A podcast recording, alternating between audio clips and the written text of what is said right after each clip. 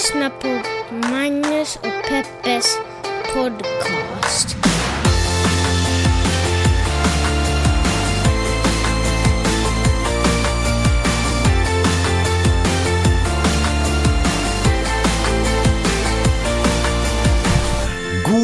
Morgon, god morgon och hjärtligt välkomna till Magnus Peppers podcast. En liten podcast där vi pratar om de stora och de små händelserna i världen. Och så gör vi det ur ett feministiskt, journalistiskt och mediegranskande perspektiv.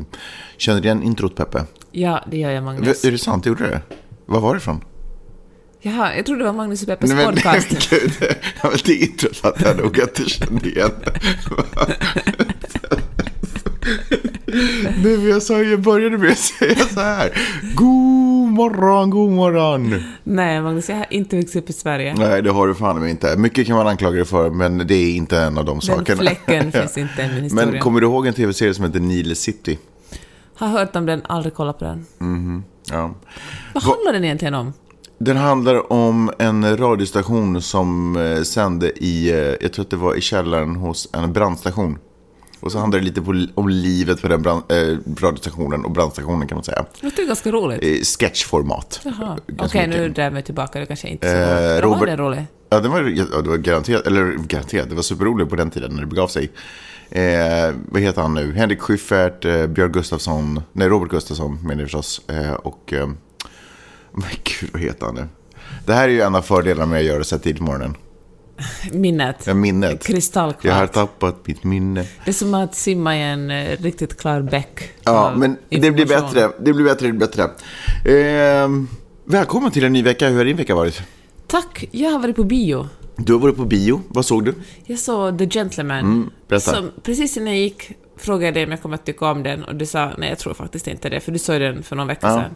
Och jag älskar den faktiskt. Är det Jag sant? tyckte så mycket om den. Skojar du med mig nu? Nej, jag menar allvar. Jag gick dit, med, men alltså mina förväntningar var ju jättelåga. Jag gick ju bara för att jag tycker att den är så lyxig och fin, den här biosalongen. Jaha. Och för att jag gillar Sandra som ville gå och se den. Satt mig ner och var sådär att nu började det en gubbfilm, och det var ju verkligen en gubbfilm. Herregud så mycket män det fanns i den filmen. Ja. Så mycket finurliga män liksom. Och jag tänkte att uh, Guy Ritchie som gjorde den, han måste verkligen ha... Han heter ju typ som Guy Ritchie. Ja, men Det, verkligen. är liksom, det går inte att göra det mer manligt Men där. jag tänkte på hur män älskar män. Alltså, de flesta män hatar kvinnor och älskar andra män. Och den här filmen kom det verkligen fram. Det var liksom... Det var fula män, det var snygga män, det var liksom homosexuella män. Så det, var, kan man i alla fall ge. Det var män i alla former och Och sorter. etniciteter och liksom alla fick vara med och eh, alla... Alla fick vara liksom... Alla var filmade lite sexigt. Okej. Det var verkligen en, en mansorgie. Men du gillade det då? Men jag gillade den ändå till min stora förvåning. Berätta den skulle varför. ju inte liksom någonsin komma igenom Bechdel- Bechdel-testet. Nej. Nej men den var... Den var underhållande, finurlig, det var liksom... Nej, det var en sån här film, vet du. Väldigt... Det, var ju en, det är ju en väldigt enkel historia.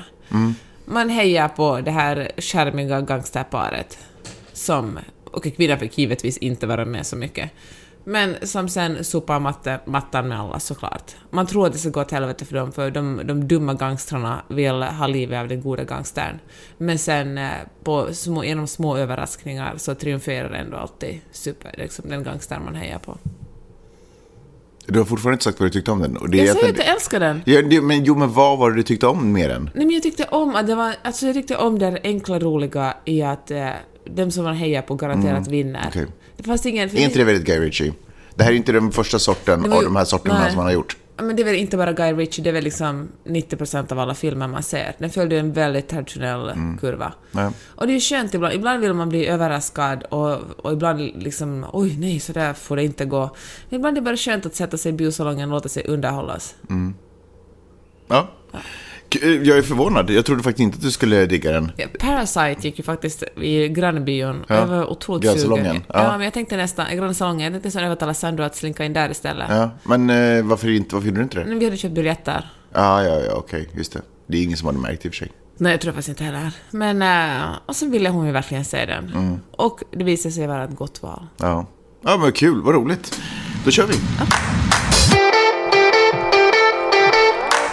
När man slår upp Svenska Dagbladets eh, sida nu när vi spelar in eh, denna, vad är det, måndagen den 24 februari.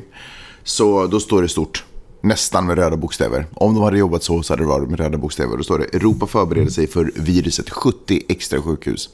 Vi vet, ja, vi ska prata lite om coronaviruset. Jag vill bara säga Magnus, Ja. att sen du själv ligger och hostar med coronavirus på dödens brant, då kommer du att säga sådär Det Mm. är ingen fara, ni är hysteriska, lugna ner er. Kära lyssnare, det här är det tragiska med att ha varit gift väldigt länge är att den partner man har tror sig veta vad den ena ska berätta. Det är inte alls vad jag tänker prata om. Det var bara ett Du, kommer- du kommer stå med skammens skägg snart. Kan du snälla försöka förstå lite humor? Så här står det. Eh, sex dödsfall, spär, det här är ingressen. Sex dödsfall, spärrade städer och tåg som stoppats. Gränserna i Europa förblir öppna och myndigheterna gör allt för att lugna ner läget när coronaviruset sprids. I Frankrike ställs 70 extra sjukhus i ordning. Jag tror att man lite längre ner i artikeln kan läsa att eh, 50 dödsfall i eh, Iran. Eh, myndigheterna mörkar, tror jag tyckte jag såg en, en rubrik. Vi vet ju att i Kina så har de ju byggt sjukhus över en natt. Hur många som helst liksom. Och kära lyssnare. Ni vet ju att jag har eh, pratat om hur liksom att lugna ner, lugna ner situationen nu lite. Det finns ingen anledning att springa runt och panikera på Stockholms gator eller i, i eh, Södertälje. Santa Monica. Eller i Santa Monica. Ehm, men fine, fine. Nu har media lyckats. Men, och då tittar du på så här, åh, Magnus har ändrat sin eh, ståndpunkt. Ja, men det är ju inte för att jag vill. Det är ju för att media nu har faktiskt lyckats lite tjata hål i huvudet på mig att det här kanske typ är Men farligt. vänta nu, är du, Så går då- du in på Trump-linjen där medierna är folkets fiende? Nej. Som bara hittar på lögner och- Nej, fast vi kan ju inte heller... Vi kan, vet, vet vad? Oavsett, fiender eller inte. Nu har det rapporterats så otroligt mycket om det här, så nu börjar jag faktiskt bli lite orolig. Men, men, nu, men jag förstår fortfarande med frågan i huvudet. Är min oro berättigad? Men nu vet jag inte längre. Men det handlar ju också om hur du definierar din oro. Jag menar, handlar det om att du är rädd för att fler människor ska dö? Eller handlar det bara om ditt eget skinn liksom? Nej, men mitt eget skinn givetvis. Aha, men då kanske du inte behöver tänka... Vadå givetvis? Nej, men är det inte därför alla är rädda för sitt eget skinn? Jag går ju inte omkring och är rädd för att folk ska dö i Indien. Nej, men vet du, det det är ju också en tragedi när folk Ja, dör men, där. ja, men givetvis är det Nej, det. Men menar- vi har ju, vår relation är Var ju närmast. gränsen då liksom? Om Ja, är fast nu- det där är klassiskt. Alltså vadå, vad, vilka nyheter som Nej, men jag menar bara, jag tror liksom inte det handlar om att vara rädd, det handlar om att sprida information. Nu är det en pandemi, eller nu säger WHO att det här verkar, det är inte ännu en pandemi, som alltså betyder att det sjukdomen sprids över hela världen. Men den håller ju på att förvandlas till en pandemi. Och då kan det ju bli farligt för de som är svaga eller väldigt unga. De flesta som har dött har ju varit väldigt gamla och svaga till exempel. Ja. Så jag menar, inte, jag, vet, alltså jag tror faktiskt inte, jag håller inte med dig om att medierna skriver att man ska bli räddad. Det handlar ju om information. Att veta vad som pågår. Tänk om du ska åka på skidsemester eller liksom Jag på tycker inte att det- modevecka till Milano. Lyssna på den här rubriken. Mm. Bara lyssna på den. Europa förbereder sig för viruset. Det är ju typ, så skrivs det när det är krig. Men vänta lite, om de bygger, om vi bygger 70 extra sjukhus så är det väl ett sätt att förbereda sig på. Jo, det är sant. Så Mm. Men, fortsätter nämligen rubriken 70 extra men sjukhus. alla de här rubrikerna är alarmerande. Ingen av dem är informativa. Okej, men skriv om den då. Jag kan inte skriva om det för artikeln handlar också om sex dödsfall, spärrade städer. Alltså allting i artikeln handlar om... Men det är osanning då. Jag, det, vet- jag vet ju inte. Men, men Du vet du läser vad? det på Svenska Dagbaget. Dagbaget. Men hörru, men grejen är, sanning och, och är det osanning? Nej, det är det troligtvis inte. Men, men man kan ju också ljuga genom att berätta bara delar av en helhetsbild. Förstår du vad jag menar? Jag förstår vad du menar. Men det här viruset det är ju till exempel mycket dödligare än en vanlig influensa. Vad sa du? Det här viruset är ju mycket dödligare än en vanlig influensa. Eller inte. Det är det ju inte alls. Procentuellt får du det, en- risken mycket större att du ska dö än, du, än om du får den vanliga influensan. Eh, möjligen, ja. Det kan, det kan stämma. Men det är ju nog i Sverige, vad var det? Fasken var det, nu kommer jag inte ihåg om det var globalt som det var 300 000 som dog. Fler personer dör av, inte Sverige antar jag, av Nej, influensan. nej, det låter Fler mycket. personer dör Ja. såklart av influensan, men än så länge så är det mycket, mycket dödligare. Alltså risken är mycket större att du ska dö av coronaviruset om du får det än om du får en vanlig influensa. Det är ju därför som folk är stressade. Alltså jag, jag eh, du, du tittar så bestämt på mig när du säger det där så att jag är lite tvingad att tro dig. Men jag är inte helt hundra på att det du säger är faktiskt sant. Vänta så pausar vi och kollar. Ja, Okej. Magnus. New York Times, Los Angeles Times och USA Today säger att risken är större att eh, än så länge att du ska dö av en vanlig influensa än av eh, coronaviruset. För den, eh, influensan har, har fått fler människor att dö. Någonting som kommer varje år. Och det är ganska ovanligt att starka män i sin bästa ålder som du dör av det, men det har också hänt. Däremot är coronaviruset dödligare. Det betyder att om du drabbas av det är risken större att du dör av det än om du dör av en vanlig, än om du får en vanlig influensa. Hänger du med? Ja, jag hör, jag hör Så drygt 2 procent av alla som drabbas av coronaviruset kommer att, inte kommer att dö, men dör av det.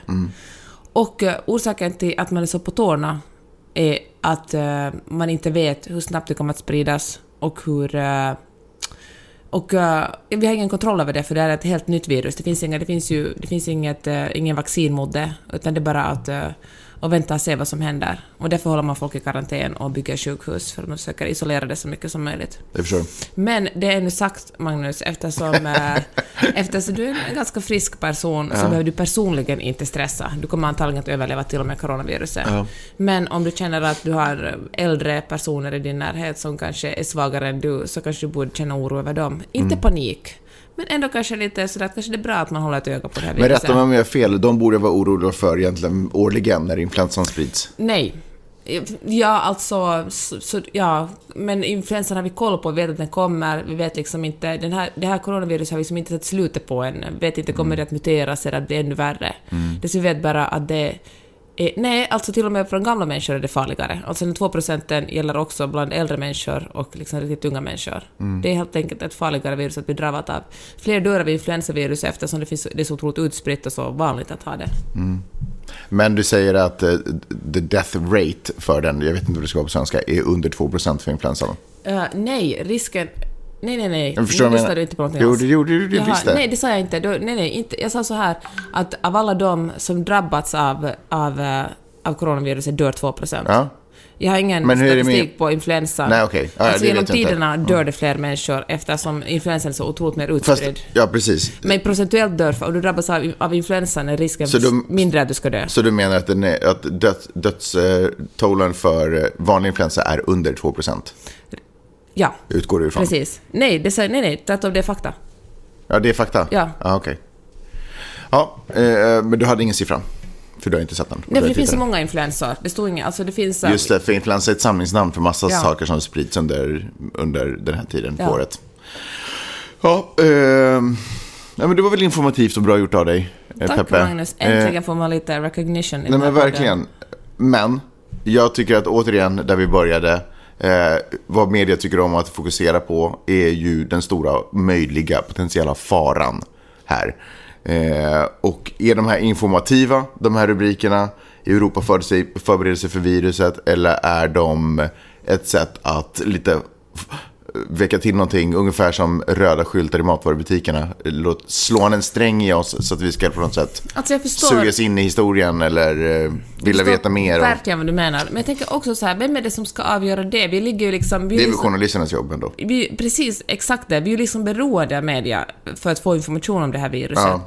Så att vi får ju bara lita på att de gör sitt bästa. Sen kan vi ju ifrågasätta alarmistiska rubriker och säga att är det verkligen så farligt som ni får det att låta efter att vi har läst artikeln. Mm. Men Men, vet- vi är ju ändå, jag menar, jag tycker det, ju- det visar ju också hur viktigt det är med pressfrihet, för i, i, i Kina har, det, har, ju, har ju viruset spridits lite, lite onödigt mycket just på grund av att det inte finns pressfrihet. De som har alarmerat om det här viruset har ju, eh, den ena läkaren dog och journalister har tillfångatagits och tystats ner. Mm. Och det är ju obehagligt att eh, leva i ett land där pressfrihet inte är intresserad, inte, inte, det blir får ju direkt dödliga konsekvenser när Jag- journalister inte får rapportera. Här är, min, här är en fråga till dig, eh, Peppe.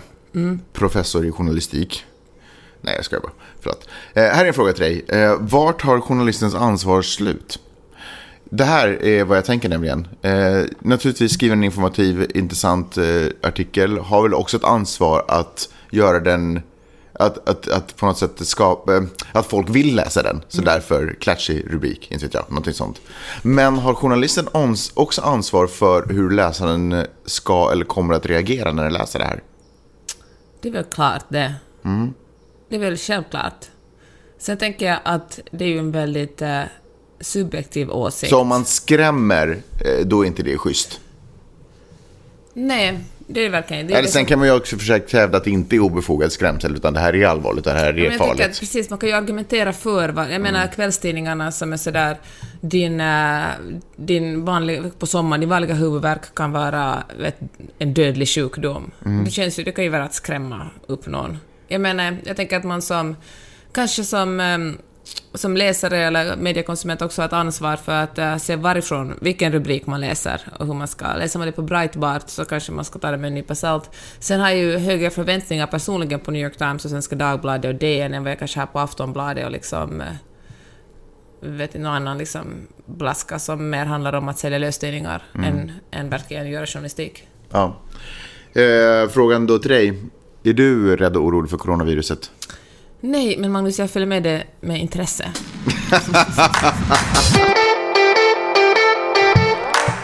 Magnus, jag har tänkt mycket på det amerikanska presidentvalet. Jaha. Och det går ju väldigt bra för Bernie Sanders där. Mm. Nu var det så här, val i- caucus i Nevada. Och då vann han, som för, de liksom höll på att reda ut vem som skulle bli demokra- Demokraternas presidentkandidat, och då vann ju Bernie Sanders överlägset, alltså jämfört med de andra, de andra kandidaterna. Och det handlar delvis om att i Nevada finns det väldigt mycket icke-vita väljare, alltså de har annan etnicitet, svarta och latinos, som tydligen rör sig allt mer mot Bernie Sanders, eftersom det är delvis, inte ens delvis, det är de som i USA är arbetarrörelsen. Det är liksom de rika som är rika, de vita som är rika och de som inte är vita är, är de med mindre pengar. Och det är det som Sanders också är ute efter att förklara att det här, den situationen ni befinner er i, där ni knappt har råd med, ni kanske inte ens har en sjukförsäkring, där ni liksom knappt har råd att betala ett boende, det måste inte vara så här. Vi kan liksom jämna ut inkomsterna i det här landet. Och, ehm, och jag tycker det är spännande att... Eh, för jag har till, jag till och med själv tänkt så här när Bernie Sanders, han är för vänster. För att Demokraterna ska ha en chans mot Trump så måste man välja en mittenkandidat. Kanske det ändå är bäst att ta Joe Biden då. Men jag börjar ändra mig och tror faktiskt att Bernie Sanders är den som har störst chans mot, mot Donald Trump. Jag tror att väljer man en kandidat som är lite fisljummen, förlåt Joseph Biden, men liksom du är lite fisljummen i det här sammanhanget, så kommer showmannen Donald Trump att bara äta ut, upp honom och spotta ut honom. Jag tror att det behövs. Jag, tror- jag tror liksom inte att en mittenkandidat kommer att rädda Demokraterna. Nej. Jag tror att, eh, att då väljer man, antingen väljer man Trump eller så väljer man inte Trump. Men om, om Bernie Sanders, som verkligen är en av de få kandidaterna som väldigt tydligt har basunerat ut sitt budskap, om han får en chans att ställa sig mot Trump, tror jag att han kan nå ut mot den arbetarklass som, var, som annars röstade på... Ja, men som, det finns ju en massa människor som, inte en massa men i Iowa till exempel, var det folk som röstade på Obama två gånger. Men eftersom eh, men eftersom de inte de tyckte att de gick på lögnen om att Hillary Clinton var så korrupt, och så valde de Trump. Jag tror som inte de kommer att ändra sig och rösta på en så kallad mittenkandidat, demokrat, demokrat, demokrat. Jag tror att antingen röstar de på Trump igen, eller så, så lyssnar de noga på det budskapet som Bernie Sanders eh, faktiskt skriker ut. Mm. Jag tror i och för sig att Hillary Clinton var korrupt. Jag tror att det är liksom... Ja men det, Det är ju inte snuskigt när ens jag tror- man har varit president. Jag tror inte, ja verkligen. Jag tror inte att det gör henne unik i det politiska Nej. spelet, om vi säger så. Fair enough. Men eh, jag skulle först säga en annan sak. Du, Men du ville säga så här, but her emails. Ja, butter emails. Nej, men hör du, eh, du sa eh, att Bernie Sanders skulle ha störst chans mot Ja. Trump eh, för att rädda Demokraterna. Här är min fråga. Mm. Vad är viktigast? Rädda Demokraterna eller rädda landet? Vet du, det har jag tänkt mycket på, för jag tror att många lutar sig mot Michael Bloomberg, Mm. eller Mike Bloomberg som vi säger, som han, som han vill lansera sig som, bara för att man tror att det krävs eh, en miljonär för att vinna, eller en, en miljardär för att vinna en miljonär. Det är liksom, så här Mm. Den som tar den största vapnet till fighten liksom. Ja, och Mike Bloomberg har ju, har ju liksom börjat spela Trumps spel. Han har ju liksom sagt upp skyltar, köpt skyltar liksom det står att Trump cheats in golf och liksom... Fan vilken låg nivå. Jag är det. orkar inte. Det där är, alltså vet du vad, det där är, det där är sitcom. Det där är så det sitcom. Det, Det där är är, så ovärdigt. Ja. Det här är liksom hela ett, en, ett lands demokrati. det här är typ starring Jack Black och någon annan. Ja. Alltså det här är liksom inte... Det är Det är så dåligt. Men också Ja. såklart att Trump lost the popular vote. Han går ju verkligen in liksom där det gör ont Ja. på Trump. Och... eh, men, och jag tror... vi- du- Trump cheats in golf. Ja. Fan vad sjukt. roligaste jag hört. Jag var ute och sprang i, i våra kvarter häromdagen och då ser jag flera Mike Bloomberg 2020. Jaha. Och Mike Bloomberg, han är ju Demokraternas Donald Trump. Mm. Alltså, jag tror att folk... Talade om det här förra podden, eller jag började tala om det här för mig själv. Jag tror att folk, alltså demokrater är så här. okej, han är liksom en, eh, han är en kvinnohatare, det är i och för sig alla människor. Han är en, han luras, han vägrar visa sina, sina skatte, tax returns. Han är, menar, han är en skurk. Vi pratar om en Bloomberg nu, Ja, eller? Ja. men han är i alla fall vår skurk. Okej, Och ja. jag tror att jättemånga moderata republikaner tänker på samma sätt om Donald Trump. Han är liksom... Han är en vidrig person som luras Men- och bedrar och hatar kvinnor, men han är i alla fall vår kandidat. Men min, min, min fråga var ändå att, för du tyckte så här, fan, kanske, kanske Bernie är vår grej, för då har vi liksom den yt- oss säga vi om Demokraterna. Ja, men då har vi den yttre, ja men om man ska ställa sig på någon sida så måste man väl ändå, okej, det är väl bra att du som lyssnar också vet var vi står någonstans lite politiskt. Eh, vilket fall som helst, eh, så att man behöver en, en, en, en motsats egentligen, en pool. Eh, vad heter det? Ah, skitsamma, ni vet vad jag menar. Eh, eller, är det viktigt att Demokraterna vinner eller är det viktigt att, eh, vad är bäst? Det som är bäst för Demokraterna eller det som är bäst för landet? Jag tror att eh, många demokrater resonerar att de kommer att rösta på vilka som, vem som helst, så länge Demokraterna vinner. Eller frågar du mig personligen? Ja, såklart. Jag eh, tror faktiskt att det är bäst för landet. Alltså jag tror att just nu blir det bäst för landet om Demokraterna vinner. Jo, men den demokratiska ledaren ska ju... Men så här, jag tror att det här är min tanke. Eller tänker du om, Om vi har man vinner en korrupt president med en annan korrupt president? Nej, nej, ja, nej alltså jag, jag, tänkte att vi lite skulle kunna resonera kring Ja. det i den här podden. kanske till och med, kanske till och med det här avsnittet. Ja. Eh, jag tänker så här att om till exempel Bernie Sanders då, som står på helt andra sidan vågskålen än vad Trump är. Så om han vinner, kommer han kunna hjälpa till att bidra till att liksom föra samman landet igen? Eller är det bara en, en annan pool Aha, som dominerar nu? Förstår du vad jag menar? Ja. Om man till exempel har en eh, ljummen fis, som Mm. du beskrev honom som, som Joe Biden, så är han ju mycket, säkert mycket lättare att acceptera för. Och jag kan i och för sig också tänka mig Bloomberg. Mycket enklare, som dessutom har varit republikan för inte så hemskt många Mm. månvarv sedan. Eh, så jag tror att det är mycket enklare för the middle America att inte se, det, se den förlusten då. Jag För, vill inte vara den som blev med jättemånga månvarv sen. ja, men, du förstår, jag, ursäkta att jag försökte uttrycka mig lite lustigt här. Jag menar att det ändå inte var så att han Jag är en liksom tjej på 15 jordsnurr som letar efter en brevvän. ja, men jag menar, det var inte i hans ungdom som han var republikan. Jag var det. Utan jag Ja, menar ja, att det är ju ganska nyligen i hans liv trots allt. Vilket fall som helst. Men jag bara menar att om man stannar någonstans i mitten Mm. så är det kanske lättare att ena USA kring det. Och det blir inte så mycket in your face, vi vann. Nu tar vi över, nu ska vi ändra allting som... Vet du vad, jag undrar om det. Alltså, jag hör dig. Men jag tänker faktiskt så här att det är ganska många samma väljare som kanske kunde gå över till Bernie Sanders som röstar på Trump. Trump hade ju ett jättestort... ehm, Fast han är på andra Ja. sidan... eh, Han är republikan. Men jag läste en... Alltså, alltså Trump är republikan. Jo, jag vet. Jag säga bara, jag Ja. tror att, alltså, nu vet jag inte argumentera mot mig själv, men, men en människa får väl spekulera och ändra sig. För jag, jag tänkte så här, okej, eller så här jag uppfattar landet.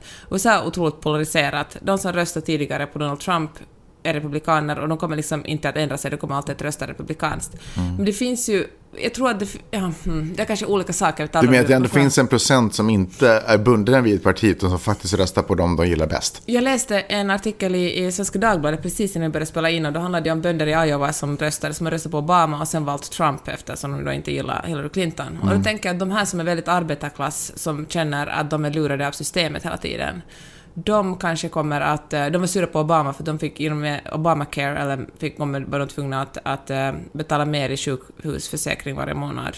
Och, och USA är väldigt... eh, Jag vet, alla, alla är väl väldigt... In, liksom, alla röstar ju för sitt eget bästa, nästan alla. Ja. Och då valde de att inte rösta på en annan demokrat för de ville att bli befriade från så dyra...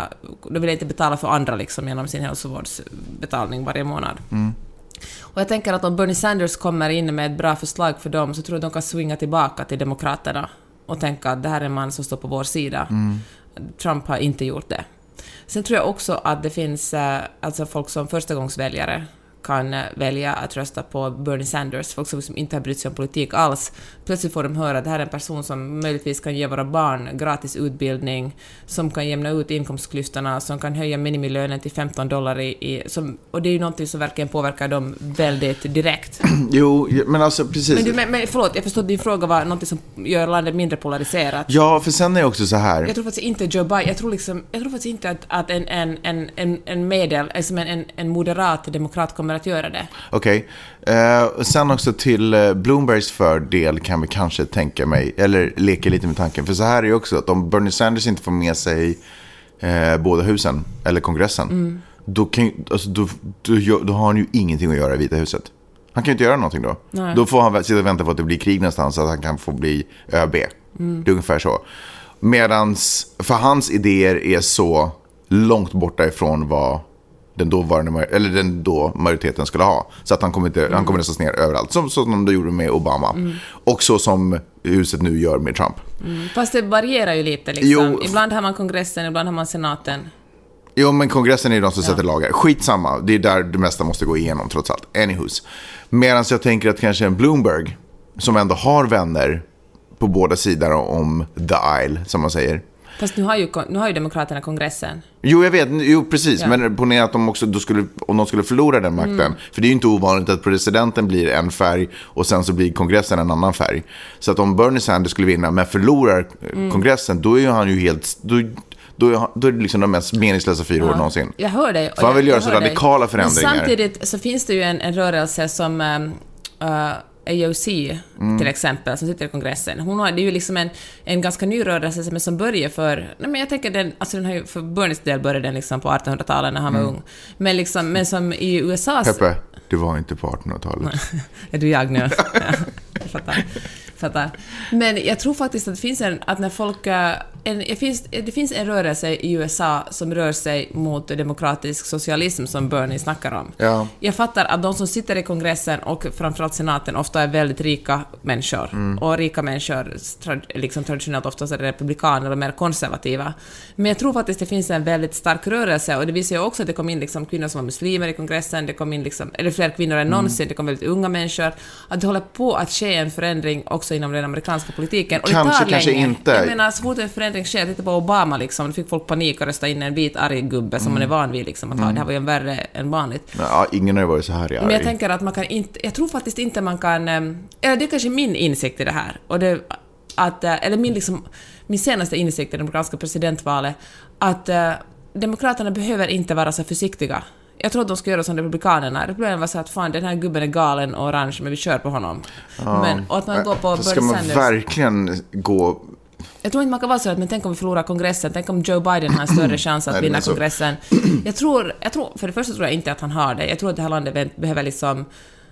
Jag tror att människorna går igång på någonting nytt och fräscht. Mm. Men det här är återigen vad människor går igång på. Det är liksom, jag vet inte, som politiker som ledare av ett land, ledare av en nation av den här storleken och magnituden, så tycker jag att man har ett större ansvar än att försöka tillfredsställa vad folk går igång på. Det här är inte Men sensationsjournalistik. tror du inte liksom att, att Bernie Sanders ska göra otroligt mycket gott för det här landet? Jag tror det, om man får möjlighet att göra Speciellt mycket för- gott för det här landet. Men det, det som jag ändå kanske känner, eller som jag ändå skulle vilja invända emot, eller lyfta ett varningens finger Ja. för. Och det är den här kontinuerliga, enorma pendelrörelsen som bara slår. För vad ska vi ha sen? En ännu värre extremist åt andra hållet, som ägnar fyra år till att riva ner allting som Bernie Sanders har byggt upp. Men får jag säga så här då? Jag, hör dig liksom. Men eh, alltså, Hillary Clinton fick ju fler röster än Donald Trump. Och det gjorde ju folk väldigt arga och det var därför folk, väldigt många röstade i kongressen. Och det var därför Demokraterna kunde ta tillbaka kongressen 2018 när det var val. Då kan man ju säga att det finns kanske en rörelse som engagerar sig väldigt mycket i Bernie Sanders idéer.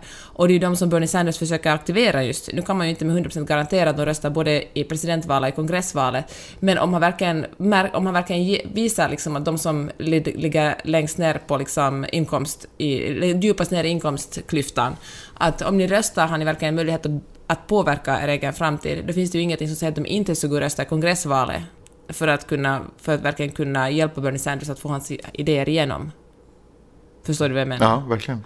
Och jag menar, det finns ju, folk är ju på gång, det finns ju väldigt eh, men starka kandidater som kan dra igång i kongressen, som kanske vill bli omvalda, som kan liksom dra igång en folkrörelse bakom sig. Nu har vi inte alls nämnt Warren. Eller Nej. hon som aldrig kommer ihåg vad hon heter. Klobuchar. Amy Klobuchar. Får jag säga en sak om Warren? Jag, har också en, en, en, jag tycker det är superintressant att hon har verkligen profilerat sig som kandidaten som ska föra ihop eh, Demokraterna och hela landet. Hon var sådär att jag vill inte attackera någon i debatterna, jag vill vara den som jag är på allas sida. Och hennes siffror bara sjönk. Alltså, hon, eh, det har gått dåligt för henne på sistone. Ända tills den senaste debatten i Nevada, då hon bara...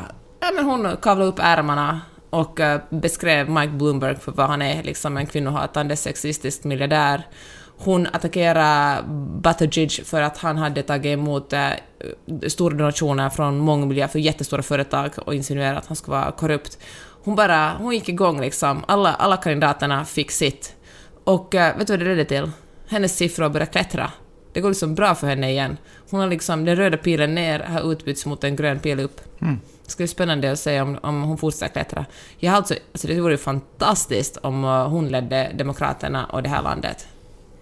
Den som det har gått sämst för är väl Bloomberg.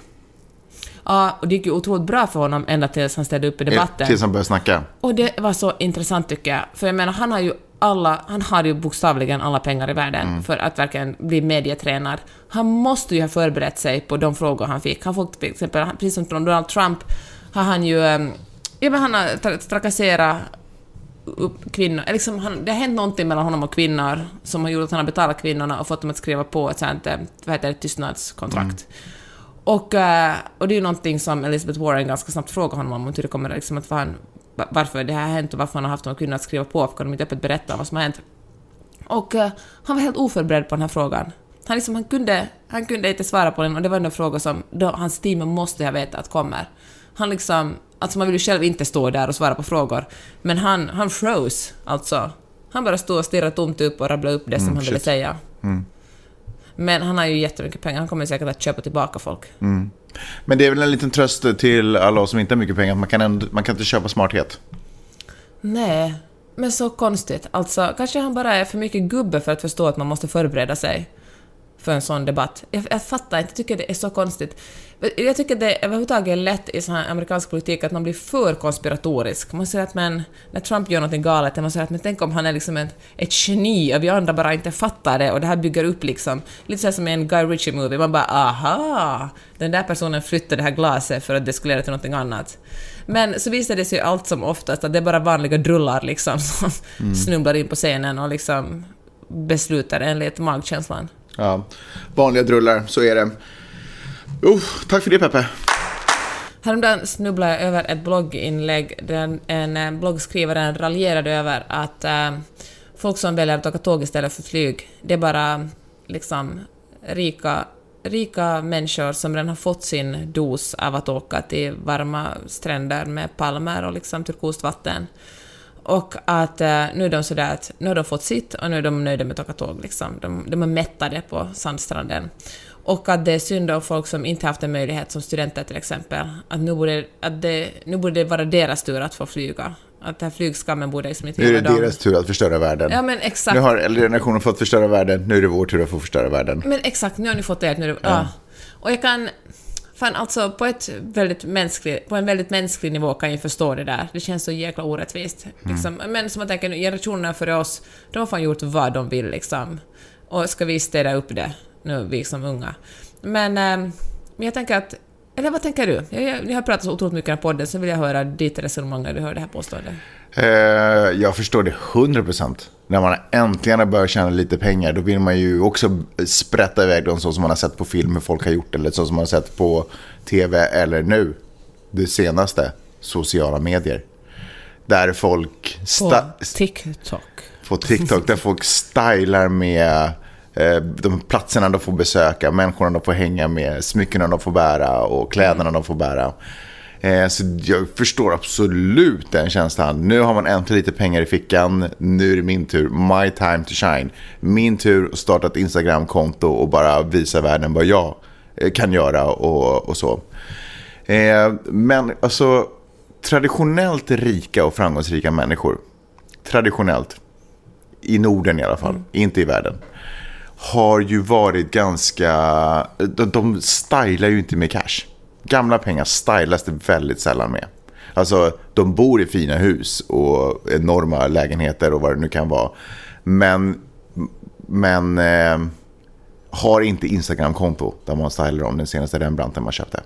Nej, det är sant. Alltså om man är riktigt rik, behöver, riktigt rik behöver man ju inte Instagram. Nej. Så det, det här är ju liksom en ny grej. Du vet, unga människor som inte kanske traditionellt kommer från rika eller sådär.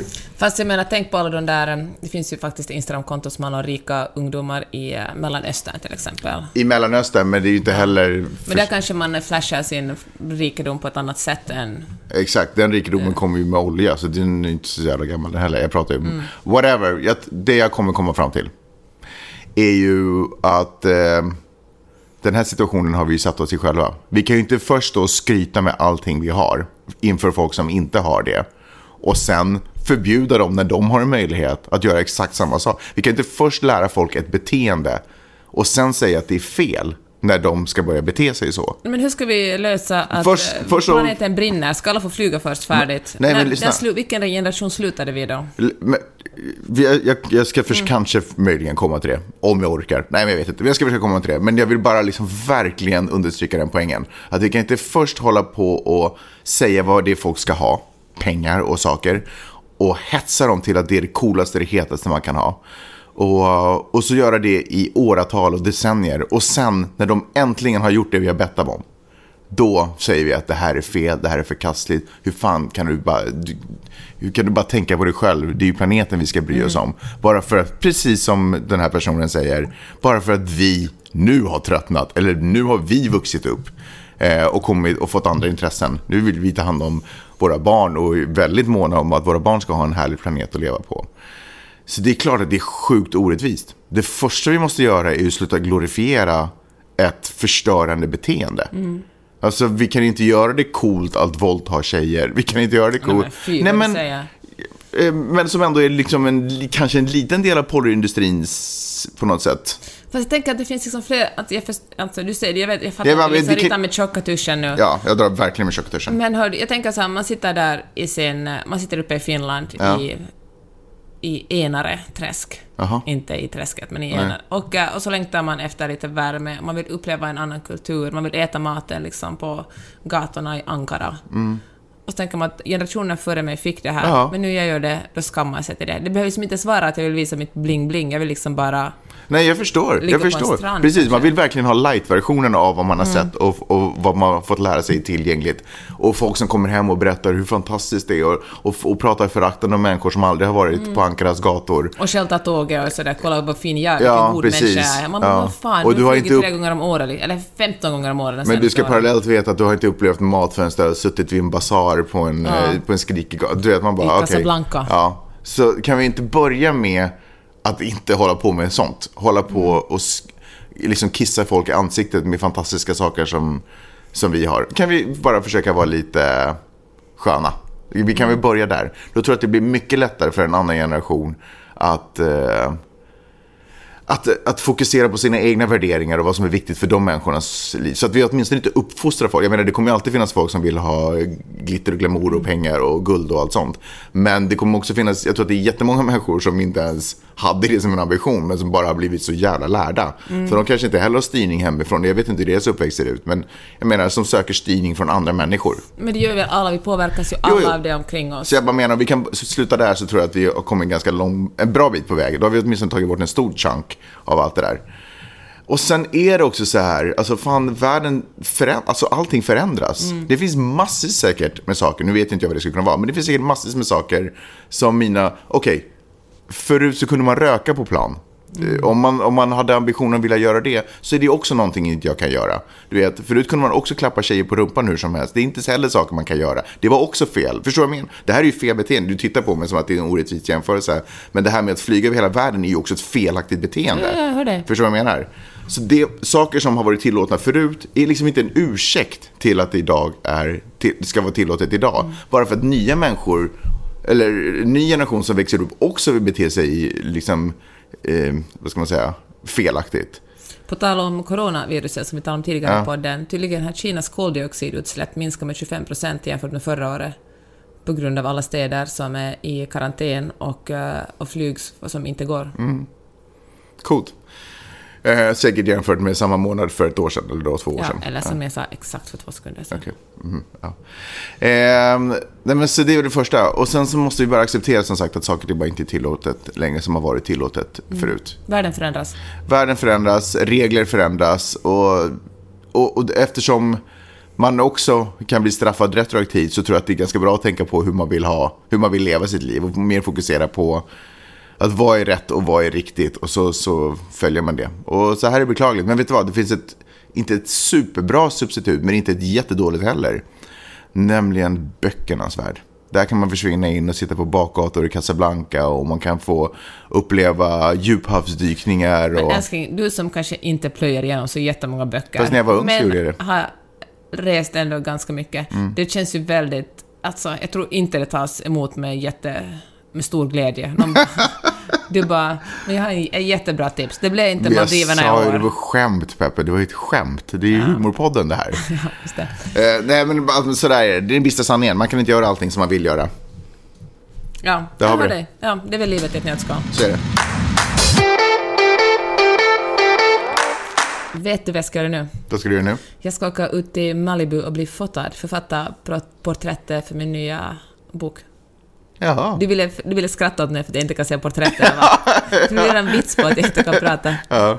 Det är Jag sjukt såg hur dina läppar rörde sig, och så höll du tillbaka. Du har riktigt till med på Ja. Det är sjukt att någon som kan skriva så, så som du inte kan prata. Är Jättekonstigt. Du kan inte uttrycka det i ord på något sätt. Nej, jag är verkligen jättedålig. Nej, men, men vad roligt. Ett författar, författarporträtt säger du. Till din, vilken bok då? Till Vilken andra delen i min kapitelbok om hästar. Den har inget namn ännu. Nej. Visst är det så? Just det. Vad handlar den om? Den handlar om en hopptävling och, eh, och vänskap. Vad hette den första i serien? Ett himla tjat om hästar. Ett himla tjat om hästar. Ja, Okej. jag tycker det är en ganska bra titel. Otroligt svårt att hitta på titlar. Det ska jag fundera på den här veckan. Kanske den heter Vi lever på hoppet. Okej, Okej, ja. Ja, hörni, eh, tack så mycket för att ni lyssnade den här veckan. vi gjorde det Magnus. Vi gjorde det. det den här morgonstreaken fortsätter. Ja. Jag är sjukt imponerad av mig själv. båda lite sura i början och sen eh, Ja, men du, går det ska ju pika för att du måste väcka mig. Det första du säger när jag kliver upp är bara... respektlöst säga det med försov, Jaha, du försov dig.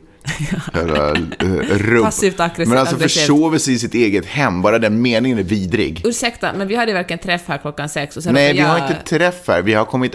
Nej, du måste sluta få det här att kännas som att det här är ett jobb eller ett möte. Vi ses, vi ses till frukost imorgon och så spelar vi in en podd. Inte så här, vi hade ett träff, möte, Okej, vi ses du till försov frukost dig, och vi hade- jag drar av från din Men lön. vet du vad, om jag kämpar upp mig och så ligger du bara och väntar på att jag ska vakna och väcka dig. Jag tycker faktiskt det är Nej, men- orättvist. Jaha, tyck det då. Men, ja, ha. Ja, vi lämnar det där så får folk tycka vad de vill om dig. Okej, alltså, tack för ert tålamod. Alltså, ni är ju magiska som orkar lyssna på det här eh, podden. Smörar du nu för att man ska tycka att det är trevligt igen. Pussy, pussy. Vi hörs om en vecka. Hej då!